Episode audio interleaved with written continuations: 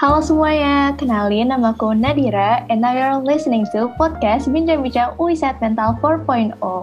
Nah, di podcast kali ini kita bakal ngomongin tentang self-love bersama dua narasumber kita yang cantik-cantik dan berprestasi banget nih dari Fakultas Farmasi. Pasti udah pada penasaran banget kan siapa mereka? Langsung aja nih, aku panggilin Kak Kania dan Kak Nafaita. Halo Kak, apa kabar? Hai, baik. Baik. Nah, kakak-kakak boleh banget memperkenalkan dirinya dulu dengan format nama, angkatan, dan kira-kira lagi sibuk apa sih belakangan ini? Hai, uh, kenalin. Aku Kania dari Farmasi 2017. Kalau sekarang sih kesibukan aku mungkin tinggal skripsian aja kali ya.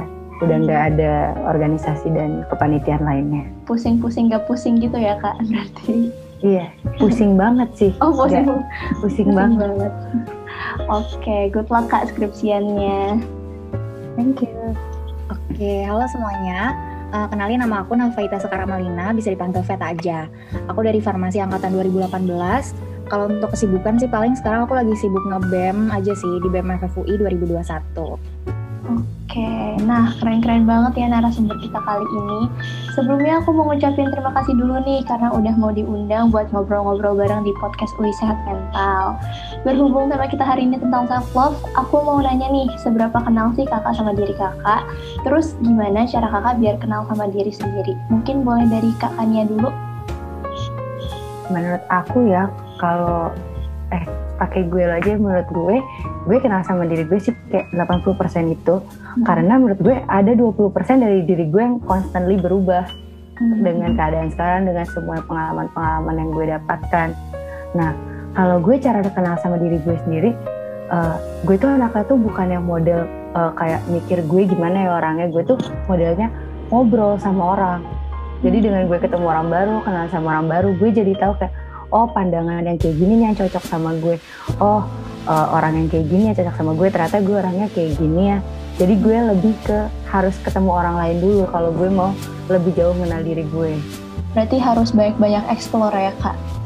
Oke, uh, kalau aku seberapa kenal aku terhadap diri aku sendiri, sebenarnya sampai saat ini aku pasti masih uh, berproses juga ya dalam mengenali diri aku sendiri dan aku sebenarnya bingung juga sih kalau mengenali diri sendiri itu limitnya sampai mana. Jadi kalau bisa ditanya seberapa tuh aku agak-agak bingung ukurnya. Hmm. tapi kalau dilihat waktu aku sih uh, ngerasa pasti selalu berkembang terus dalam mengenali diri aku sendiri. Nah uh, kalau untuk caranya uh, cara aku lebih mengenal diri aku um, kayak kakaknya tadi kadang-kadang uh, aku juga kayak gitu Terus tapi uh, aku juga bukan tipe orang yang suka nulis-nulis gitu sih. Mungkin beberapa orang kan ada yang suka nulis-nulis perasaannya atau unek-uneknya. Hmm. Yang menurut aku itu juga lumayan membantu sebenarnya. Tapi kalau aku pribadi, uh, aku biasanya cukup berpikir sendiri di kepala aku aja sih. Jadi aku telusurin, aku ingat-ingat dari waktu ke waktu perubahan apa aja yang ada di diri aku, personality aku, dan kekurangan aku, dan sebagainya. Terus aku juga biasanya um, suka ini sih nyoba-nyoba kegiatan baru dan di situ biasanya aku jadi lebih tahu juga hal-hal apa yang jadi interest aku dan mana yang bukan. Menurut aku paling uh, itu membantu banget juga sih buat lebih mengenal diri aku dengan lebih dalam. Bener-bener setuju banget sih aku. Uh, berarti bisa dibilang kakak udah cukup kenal ya sama diri kakak. Kalau gitu, boleh nggak sih ceritain hal apa yang paling kakak suka dari diri sendiri dan apa yang paling kakak nggak suka dari diri kakak? Terus gimana caranya kakak menerima kekurangan itu? Mungkin dari kak Veta dulu boleh. Oke, um, kekurangan dan kelebihan ya. Mungkin uh, mulai dari yang aku suka dulu kali ya. Kalau dari yang aku suka sih, um, menurut aku aku orangnya cukup mudah beradaptasi di lingkungan yang baru. Aku bisa temenan sama siapa aja Terus aku juga termasuk tipe orang yang apa ya caregiver lah mungkin istilahnya. Jadi aku lumayan bisa mengayomi, ngasih-ngasih perhatian, affectionate juga. Dan aku senang banget ketika ada orang yang bilang kalau mereka nyaman temenan atau kerja sama aku karena sifat aku itu. Nah, kalau untuk kekurangannya sendiri, yang aku paling gak suka dan cukup mengganggu dari diri aku sih, apa ya, hmm, aku orangnya lumayan takutan gitu. Sebenarnya aku nggak tahu juga sih ini istilahnya harusnya apa, tapi kalau misalnya aku mau melakukan sesuatu mau mengambil suatu keputusan itu pasti aku lama banget mikirnya uh, dan panjang ke mana-mana sesimpel misalnya aku mau nge-tweet atau nge-post story yang padahal itu hahihi doang aja aku pasti kepikirannya lama gitu hmm, terus kalau cara aku buat menerima segala kekurangan aku, sebenarnya aku selalu ingat aja sih kalau orang lain juga pasti punya kekurangan, bukan cuma aku doang. Dan punya kekurangan itu adalah hal yang normal. Jadi aku biasanya berusaha untuk berdamai dan menerima diri aku secara keseluruhan aja, termasuk dengan kekurangan aku juga gitu. Bener banget, bener banget. Aku nanggepin yang kelebihan kakak tadi, aku juga seneng banget sih kalau ada orang yang nyaman sama aku gara-gara personality aku itu kayak gimana ya, kayak sebuah kepuasan tersendiri gitu loh. Belum bener banget sih. kalau kakaknya gimana? Kalau yang paling aku suka dari diri aku, aku itu orangnya pede, mampus, parah. Sama aku tuh, aku ngerasa aku tuh loyal kalau aku udah temenan sama orang. Kayak bener-bener gue rela istilahnya gue rela uh, berenang tuh lewatin samudra Hindia buat lo gitu kalau gue udah temenan. Hmm. nah kalau gue paling gak yang gak gue suka gue kebalikan Veta. Gue nggak pernah mikir ngambil keputusan. Kayak ah udah terabas terus. Ah nah, pokoknya kayak nggak ya kayaknya pokoknya tiga dua satu ambil keputusan gak ada mikir-mikir lama. Dan gue nggak suka sama appearance gue karena gue tuh punya darah manis. Jadi kayak gue selalu digigit nyamuk dan gue selalu punya bekas luka. Oh iya iya. Sama sama. Aku juga sering banget digigitin ya. nyamuk. Terus kalau ada ya. luka tuh jadi susah hilang gitu. Nah iya. Dan luka gue tuh akumulasi dari kecil. Jadi kayak gue tau gue darah manis tuh udah gede gitu dan lukanya udah nggak bisa sembuh. Hmm. terus pas awal-awal tuh insecure banget dong. Kayak ini enak banget sih orang bisa pakai celana pendek bisa pakai rok pendek gak malu kelihatan orang kakinya terus tapi setelah gue pergi ke banyak dokter dan mereka bilang ternyata gue nggak bisa sembuh makin down dong pasti hmm. nah tapi balik lagi ke uh, ke hal yang paling gue suka gue tuh loyal dan pas gue cerita ke teman-teman gue teman-teman gue tuh bilang kayak appearance lo tuh nggak pengaruh sama pribadi lo. Lo tetap jadikannya yang baik lo tetap jadikannya yang seru kan yang uh, rame. Jadi kayak lama-lama gue mikir ah ya udahlah kembali lagi ke kekurangan gue. Ya itu terabas aja. Hmm. ya udah nggak mikir. Sebenarnya kekurangan kakaknya juga bisa jadi kelebihan juga ya. Kadang-kadang juga kita kan butuh di situasi tertentu buat nggak usah mikirin hal terlalu dalam gitu. Jadi kayak iya. go for it aja. Ya tapi kalau keseringan jadinya iya. gitu. Pas kena batunya baru ngerasa oh ya salah Nah, berarti kan semua orang tuh punya kelebihan dan kekurangan masing-masing ya. Pasti kita seenggaknya pernah lah sekali dua kali ngebandingin diri sendiri sama orang lain. Termasuk aku nih, aku tuh kadang suka banget ngebandingin diri aku sama orang lain, apalagi sejak ada media sosial kayak Instagram, Twitter. Terus kadang tuh sampai insecure sendiri gitu. Kalau kakak pernah nggak? Dari kakaknya dulu boleh. Kalau gue pernah sih pasti apalagi fase-fase gue tidak bisa menerima gue darah manis dan gak bisa pakai tuh. Hmm. kayak celana pendek terus kayak liat Instagram. Nah tapi gue mikir lagi kayak kalau gue insecure kayak gini terusan ke terusan gue nggak akan gerak ke mana-mana. Gue nggak akan maju. Nggak akan ada habisnya gitu kalau lo kalau gue insecure terus-terusan. Terus akhirnya dari sejak itu gue mikir gue harus berhenti insecure. Caranya adalah kalau gue lihat ada cewek yang menurut gue cantik dan akan bikin gue insecure gue malah appreciate kayak gila nih cewek cantik banget. Gila nih cewek pinter banget. Pasti beruntung banget temen-temennya dia kayak gitu terus. Jadi secara nggak langsung gue memotivate diri gue kayak gila gue harus bisa nih sepinter dia atau se apa ya kayak sepede dia gitu dalam menerima cantiknya dia.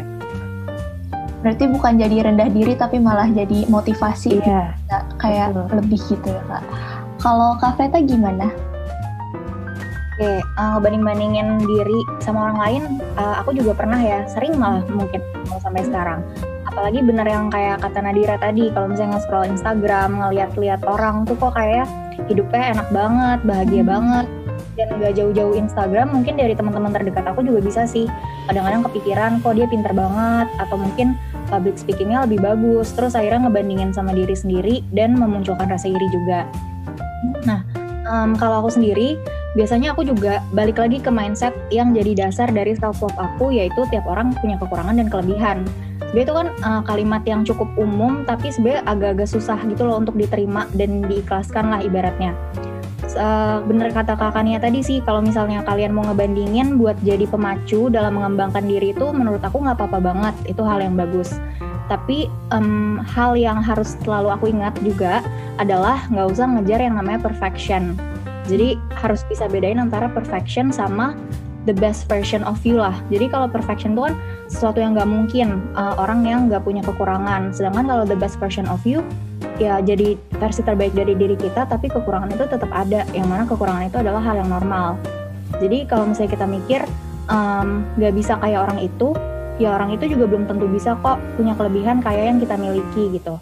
Jadi paling gitu sih dari aku. Jadi setiap orang punya kelebihan dan kekurangan dan jangan sampai kelebihan yang orang lain punya tuh bikin kamu jadi kurang mencintai atau menghargai diri kamu yang sekarang gitu sih.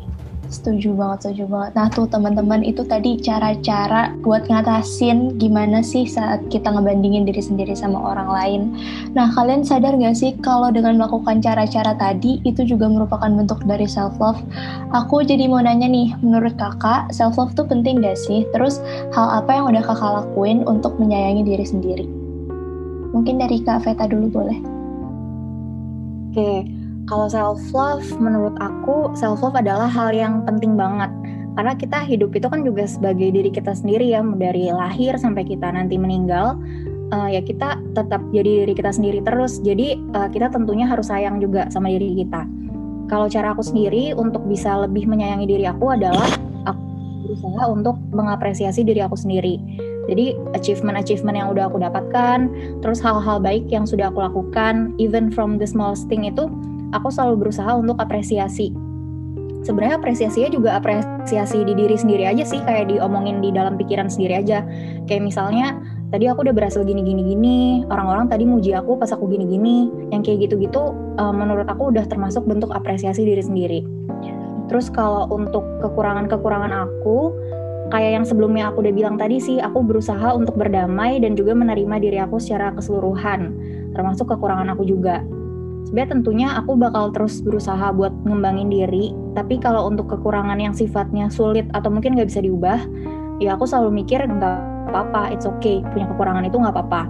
Dan sebetulnya aku juga masih uh, belajar terus ya untuk menerapkan ini tapi sejauh ini uh, menerapkan hal-hal yang tadi aku sebutin itu beneran bikin aku jadi lebih grateful dan juga sayang sama diri aku sendiri sih dan bikin aku lebih happy juga yang penting juga gitu Bener banget. Kalau mau happy emang harus dimulai dari diri sendiri dulu ya kak. Bener banget, biar hmm. happy. Kalau kakaknya gimana? Menurut aku juga self love tuh penting banget sih. Dan kalau aku cara aku menyayangi diri aku sendiri, gimana ya? Aku tuh modelnya ya kayak aku tuh modelnya ya udahlah kan. Kayak aku bilang tadi aku tuh kayak banyak gak mikirnya. Jadi kayak ya pokoknya prinsip hidup aku adalah nomor satu aku senang.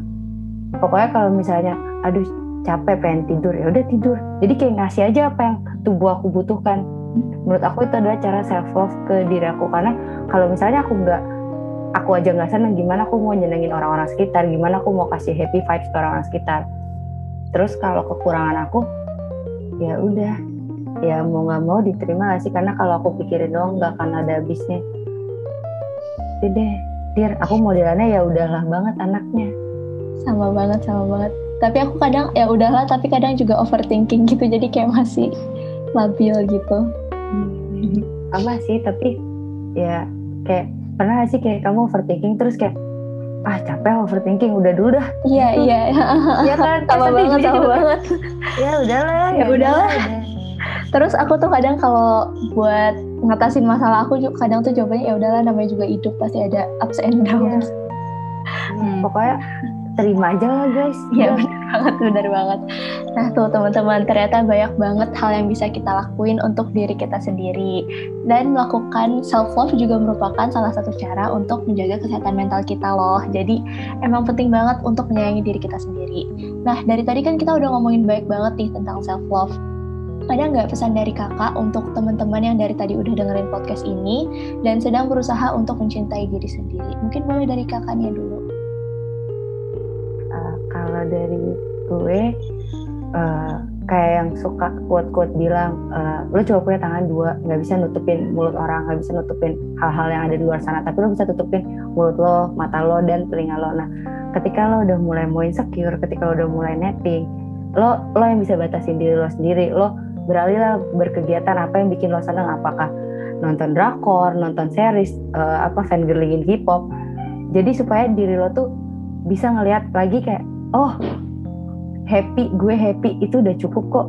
Dan gak akan ngebandingin diri lo sama yang lain. Karena kalau lo bandingin sama orang lain gak akan kelar.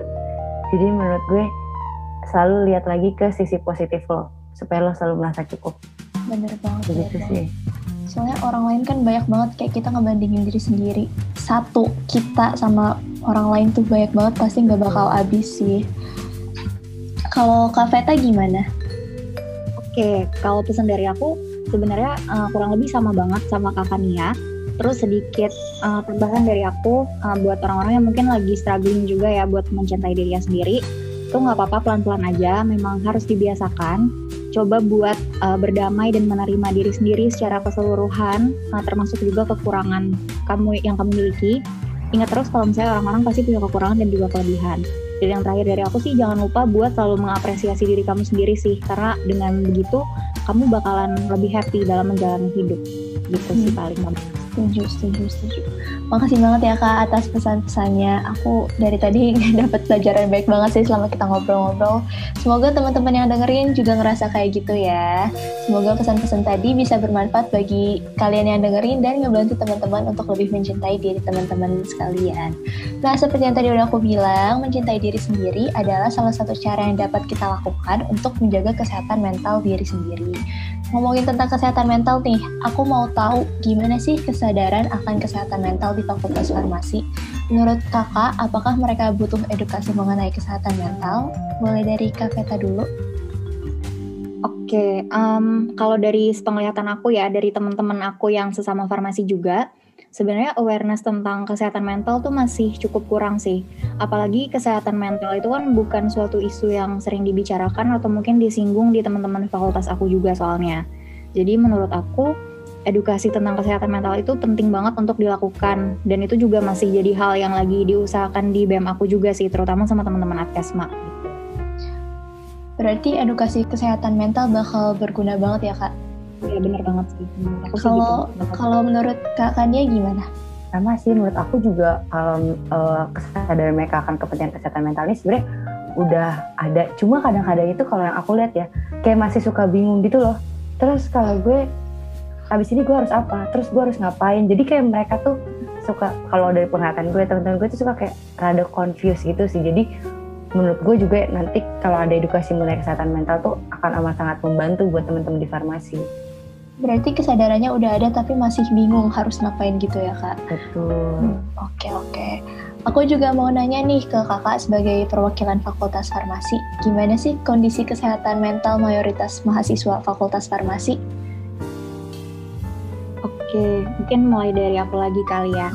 Ini lagi-lagi berdasarkan teman aku lagi ya dari teman-teman aku sesama farmasi mungkin karena uh, eh, PJJ juga karena kuliah online kuliahnya di rumah itu uh, dari sepenglihatan aku um, cukup menimbulkan masalah baru juga sih yang akhirnya berdampak ke uh, kondisi mental dari uh, teman-teman aku sesama fakultas farmasi gitu. Um, contohnya misalnya aku sering dengar-dengar juga nih dari orang-orang ada beberapa orang yang uh, jadi merasa struggling lah, uh, merasa kesulitan gara-gara nggak bisa belajar sendirian, Terus ada orang-orang yang uh, tipe bersosialisasinya itu harus face to face, yang pasti dia akan uh, merasa kesulitan juga gitu uh, di kondisi yang sekarang. Dan ada juga uh, beberapa orang yang nggak suka berada di rumah karena nggak semua orang menganggap kalau rumah itu adalah safe space mereka kan. Dan dari segi beban kuliah juga beda banget ya, apalagi kayak fakultas aku yang harusnya ada praktikumnya ini nggak ada. Jadi kita agak-agak ngawang juga kan belajarnya dan itu jadi beban pikiran yang ngarah ke kondisi mental juga kalau menurut aku. Jadi sebenarnya overall uh, menurut pengamatan aku kondisi mental mahasiswa farmasi masih belum baik sih sejauh ini gitu. Kalau kakaknya gimana? Uh, menurut aku juga sama sih kayak yang kita bilang memang menurut aku lagi kurang baik apalagi teman-teman aku sekarang lagi pada skripsian kan rata-rata. Dan dengan adanya uh, pro ada progres jadinya pada pembatasan. Jadi teman-teman aku mungkin yang kalau misalnya kita nggak covid nih kita bisa nge tiap hari. Tapi karena ada covid dan pembatasan jadi oh cuma bisa nge seminggu tiga kali gitu. Ya pastinya jadi bikin mengaruh lah ke kesehatan mental mereka mungkin pada pusing terus pada stres. Dan karena pembatasan juga jadi nggak punya tempat buat cerita pak buat cerita langsung jadi berkurang kan nggak bisa ketemu interaksi sama orang hmm. Emang aku gitu sih aku juga ngerasain banget sih karena pandemi ini jadi kayak susah gitu buat nge, apa ya buat ngeekspresiin diri sendiri soalnya yang kita lihat kan pasti layar layar layar interaksi sama orang Ya. juga terbatas banget aku juga Apalagi buat yang ekstrovert gitu gak sih? Jadi Ah, makin, ah, ah. aduh. emang pusing banget sih awal-awal pandemi apalagi itu uh, adaptasinya sangat amat menyulitkan buat aku.